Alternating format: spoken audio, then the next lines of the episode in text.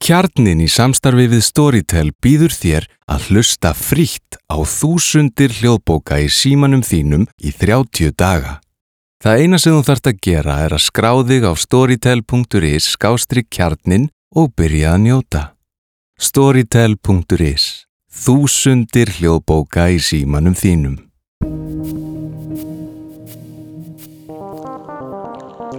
So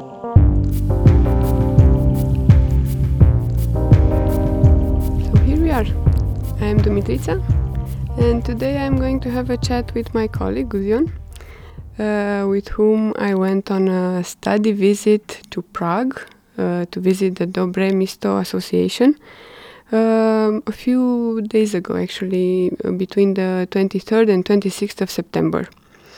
And this visit was possible due to a partnership that we had with Dobre Misto, and uh, it was funded by the EEA grants. Uh, this was uh, one of the many international projects that we are um, running currently at Hugarafl. One of the smallest one in uh, in length and uh, uh, in duration, but nonetheless, um, it has proven to be a very inspiring one. Um, the association that we visited, Dobre Misto, is a peer based organization that uh, works within the um, uh, area of a hospital, the biggest uh, psychiatric hospital in the Czech Republic called Bohnice. Um,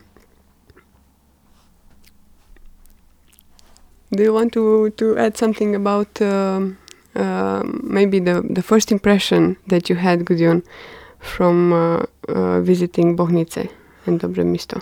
Ooh, yeah, it is uh, a very large hospital and uh, very old, and uh, actually from the outside very beautiful.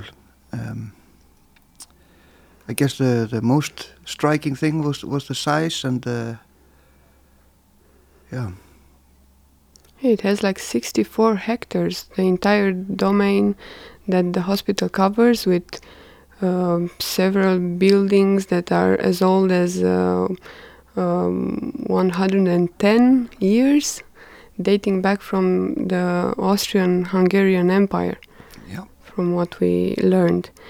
It was quite an impressive uh, sight um, and a very interesting experience. Um, we spent four days in Dobre Misto, meeting uh, different uh, members, different peers, and learning about their roles in the association and also about uh, their work outside of the association. and uh, the hospital uh, what has around 1,200 beds, I think, as Mhm. well, and uh, what thir 30 wards, I believe. Mhm. And yeah, and uh, and Dobre Misto is uh, yeah both working in the wards and and outside the hospital for supporting patients as well. Mhm. Yes, similarly to Hugarafl, they are um, a peer-based organization. Actually, uh, the founding members were uh, a journalist, a person with a lived experience of a mental health challenge, and a person with uh, physical disability. And uh, uh, this uh, great team, they have been. Um, they started a work that uh, is uh, has been lasting for uh, many years already, and um, they are fighting the stigma in the society about mental health and mental, mental illness. They are educating people through various means, publications, and uh, several events, um, a web platform. And generally, they give a voice to the people with uh, lived experience, and also they provide a context in which they can use uh, their experience to support other people who are struggling it was great to see how, how many activities they were offering um, for the social support um, and um, like having uh, uh, alternative uh, alternatives for the for the free time, both for the patients in the hospital and also for uh, um, uh, for the ones uh, coming from other places in the city. Yeah, there's for sure they're doing uh, beautiful work. Uh, and nice to see uh, like peer work sorry peer work uh, organized in, and accepted in the system in this way this is something uh, for sure we have to look into here in Iceland to to connect more with the system and, and with the hospitals Mm-hmm. These pe- people actually went through um, trainings, learning how to um, offer peer consultants and how to be uh, peer lecturers. And um, mm, some of them occupy such roles in uh, Dobre Misto Association, but others have already uh, become part of uh, multidisciplinary teams in the hospital wards from what we learned and that was really really um, impressive to see for me uh, the most uh, striking thing was to see how a group of people is uh, fighting their way through a very well established system that still carries many of the um, uh, ancient practices in uh, in psychiatry. Um, and they are trying to to do something new and as i said to give a voice to to people who have experienced both the the system and um, you know, going through this psychi- psychiatric system and the different uh, aspects of uh, mental health challenge what were the highlights for you Gudjon? Highlights of this trip maybe uh, which of our visits or Yeah, for for me, the, my hi- main highlight was the people, the, just seeing how uh, friendly and uh, motivated and caring everybody is, and they they like uh, work well together and and seem to support each other really well mm-hmm. because uh, they are facing big challenges in in the system and with the stigma as well. I remember they talking about that. One of their big problems was that many of the people did not want to return to the hospital for Mm. uh, their program because of bad experiences and memories. Mm-hmm. But uh, yeah, just uh, seeing how compassionate and driven everybody there was was uh, really inspirational for me. Mm-hmm. Yeah, I, I think the main reason we are engaging in such international projects is to learn from one another because as an organization it's important to uh, look uh, into other um, realities, other societies and see what uh, we could pick up from uh, the med- methods that they developed and um, even from from um, the people themselves. They could be role models for us. And um, yes, I think many of the qualities of these people uh, could be summed up as examples for us to use in peer work. And uh, the kind of uh, dedication they had uh, and bravery um, for going into those uh, uh, words and working with professionals and speaking out uh, their ideas and um, their perspectives on the matter. Um, and I also love their um, curiosity. Every single person that we met, uh, they were they weren't just sharing their uh, story and their uh, uh, didn't just talk about their work, but they were always always curious to find out how peer work is done in Iceland and how our work looks like. Yeah. And I think as a professional or as a as a peer worker or as a person in general, uh, curiosity is uh, one of the keys, like one of the the strongest uh, forces that can really help you grow and and grow the the work that you do. Yeah, that I agree on. Hmm. And uh, also the, the differences between Hugarafl and, and uh, Dobre Misto is also. Uh, oh no, I'm missing words. Yeah. What do you, how do you say this? Is uh, is quite stark as well. Mm. Uh, with here in Hugarafl, uh, almost everything being uh, driven from uh, just the people who come here, Mhm. and uh, and the, in Dobre Misto is is more uh, centralized and and centered around the people who have gone through the training. And uh. Yeah. So in you're saying uh, basically that the main difference li- lies in the fact that at Hugarafl we don't have uh, formal training for people um, who want to offer support as peers, and that support rather happens in a in a, an informal and maybe spontaneous way. Yeah, exactly. Yeah. Even though this is, um, I think, one of the the core elements that makes Hugarafl a very um, um, strong place in terms of, uh, of recovery. But it would be interesting to see how uh, such a formal uh, uh, role would look like in our organization and in our society here in Iceland. Yes. And uh, yeah, it did.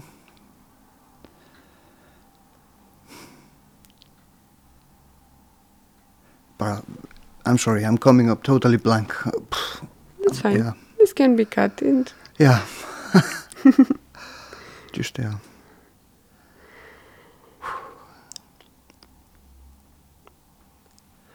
For me, it was also impressive to see, to witness um, the psychiatric reform in action. Yeah, that was very true. Uh, we went to visit. Uh, how, how how do you call it? Like a Mental health center. yeah, mental health center in, in one of the hospital, a newly formed one. hmm And uh, of course, we only got the point of view of the professionals working there, but from what it seemed, that uh, they were really doing uh, good work and and taking steps in the right direction to decentralize the system and uh, and bring uh, this sort of service to to the people in the city hmm instead of uh, hiding them away uh, on the edges.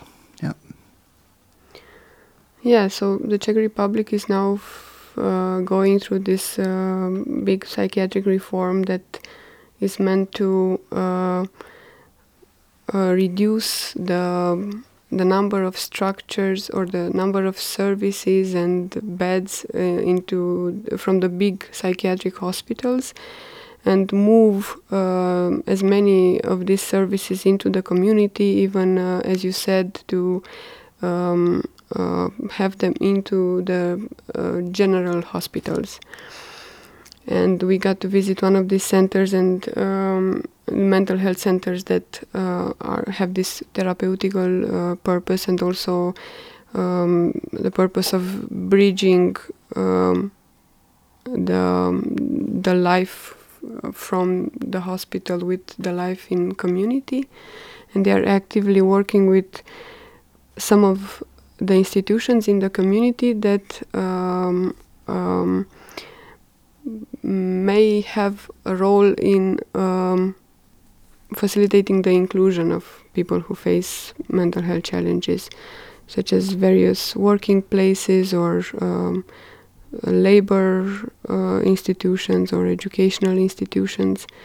And I, th- I thought that this was really great, and not just working with um, um, the people in in certain centers, but also assisting them into um, going outside and into these institutions that have a big role in their life. And uh, I don't know if it would be safe to say, but they seem to like uh, be merging together social services and, and mental health services. Yes, yeah. So I think those go very well together in, in reality. So yeah. And also, we got to visit other structures that were not uh, psychiatric wards, or they were services located in uh, um, in the hospital area that were also quite impressive, like uh, a peer club, a recreational place where um, it was both uh, a, an inpatient and outpatient service. It could be accessed by uh, anyone, and it was completely led by uh, peers. And we also got to see some training apartments that would um, uh, enhance or prepare the, the, the people for moving uh, into their own apartment and start independent living. Um, and we visited and also got to hear about uh, several protected working places, all of them located in the hospital area. And for me, that was kind of uh, striking. It was, in a way, impressive to see the diversity of services, uh, but it also made me think that this decentralization is heavier in a way. It's it's hard uh, to do when all the services are still connected with this very uh, stigmatized place, a place that is very much associated with uh, chronic illness, with uh, um, lifelong sentences of uh, mental illnesses. Yes, yeah, and uh, yeah, they they have these uh, what they, at least three workplaces that we heard about, and Mhm. and uh, one of them we went to and had had lunch and was really nice. Mm, yeah. Uh, but if I'm not correct, they they talk about that they also try uh, helping people get work on the outside. Yes, with with That's assistance and yeah, so They had a, a social um, center uh, that offered uh, assistance with job hunting and also apartment hunting yeah, for for um, the people um, in the hospital.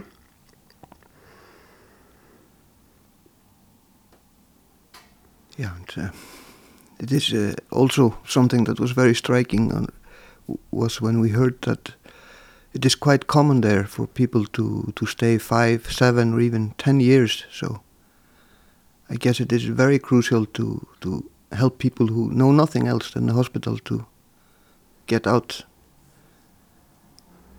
This, I think you can see both uh, very great positives and also, like you say, uh, some negative things about it. But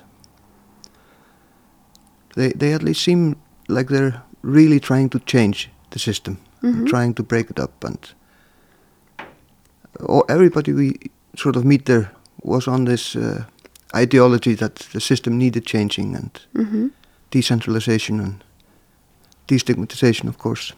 Yes, both from from the hospital employees and from the members of uh, uh, Dobre Misto. Yeah. that this was a shared opinion, and it seems like the change, the transition is happening uh, both from bottom up and also from the top down. But of course, it's a very very uh, heavy process, and uh, yeah. Yes, Uh-huh. and and it will be uh, exciting to keep an eye on how how it will go over the coming years. Like uh, how how funding will go, and I guess it's the same problems everywhere, huh? Uh, the money and the Yes, more or less. Yes, in this case, they are quite uh, dependent on the um, uh, funds from the European Union that will end soon. yes, So the survival of these mental health centers uh, is uh, um, questionable unless the um, the public funds will uh, start to compensate for Yeah. for this. I'm, I'm going to take the optimistic route, and, and I think that uh, the new options are going to work so well that they are going to get funds. Mhm. I'm going to believe this. Yes, I'm also optimistic about that. Uh, I come from a country where there was a actually a similar uh, reform is still uh, taking place for at least 15 years. but at least these mental health centers uh, they survived, even though uh, further developments are still uh, um, waited for.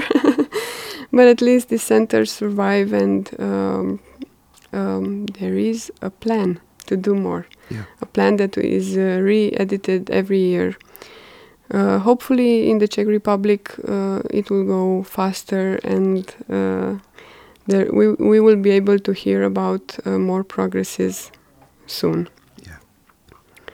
And speaking of uh, the future, um, two of the peers from the Czech Republic, from Dobre Misto, are going to return our visit uh, in two weeks. they are going to visit Hugarafl and also learn about our activity and uh, spend some time with our members and um, see our ideology and the way we work. We are looking very much forward to that. Yeah, it will be a good reunion and lots of hugs and yeah. Yeah. I was going to ask you, Gudjon, um, in terms of um, personal experience, what did it did this visit mean to you? What did you gain from it uh, personally? Ooh. If you're gonna share that. yeah, that, that is a, big question. Um, for me, it was my first experience in any project like this. So uh, I was very nervous and, uh, excuse me, and uh, it actually was quite hard, the experience, but uh, was very giving. And uh, in many ways, I, I feel a lot of motivation and there's a lot of avenues that I want to look into and, and uh, research, like their peer, official peer training and, and this I would really like to know more about. But uh, I am still, uh, what do you call it, like recovering from the trip, to say. and, uh, still digesting it all, but I, I hope uh, I can keep this flame going and and, and uh, yeah, learn more. It was uh, I both learn a lot about myself in this uh, trip and uh, find a lot of things to to nerd over uh, in the system and. Yeah, for me it was also very enriching personally, and I felt, first of all, I felt I felt privileged to witness um, the stories of the people we met, and um, their experiences with what is labeled as mental health illness. Um, but more than anything, uh, to witness their strength. And the dedication with which they they keep fighting and uh, they manage to do a very meaningful work in a not so easy place. Okay, I will just end by uh, saying that, um, as I said before, this is just one of the many international projects that we are doing at Hugarafl. Um, our listeners are invited to continue to follow us and learn about uh, the rest of the projects. Um, many of them are supported by Erasmus Plus and are going to um, uh, develop during the next two years. Um, our members will have uh, several opportunities, such as this one, either to um, visit organizations in other countries or uh, just to work together with uh, international teams or to host people, uh, mental health workers or um, uh, other members of organizations from uh, from abroad. So this is an exciting time uh, from this point of view, and we are very much looking forward to it. Yes. Takk fyrir að hlusta á hlaðvarp kjarnans. Þú getur sótt fleiri þætti um allt milli hímins og jarðar á vefnum kjarnin.is. Kjarnin í samstarfi við Storytel býður þér að hlusta frítt á þúsundir hljóðbóka í símanum þínum í 30 daga. Það eina sem þú þarft að gera er að skrá þig á storytel.is skástrík kjarnin og byrja að njóta. Storytel.is Þúsundir hljóðbóka í símanum þínum.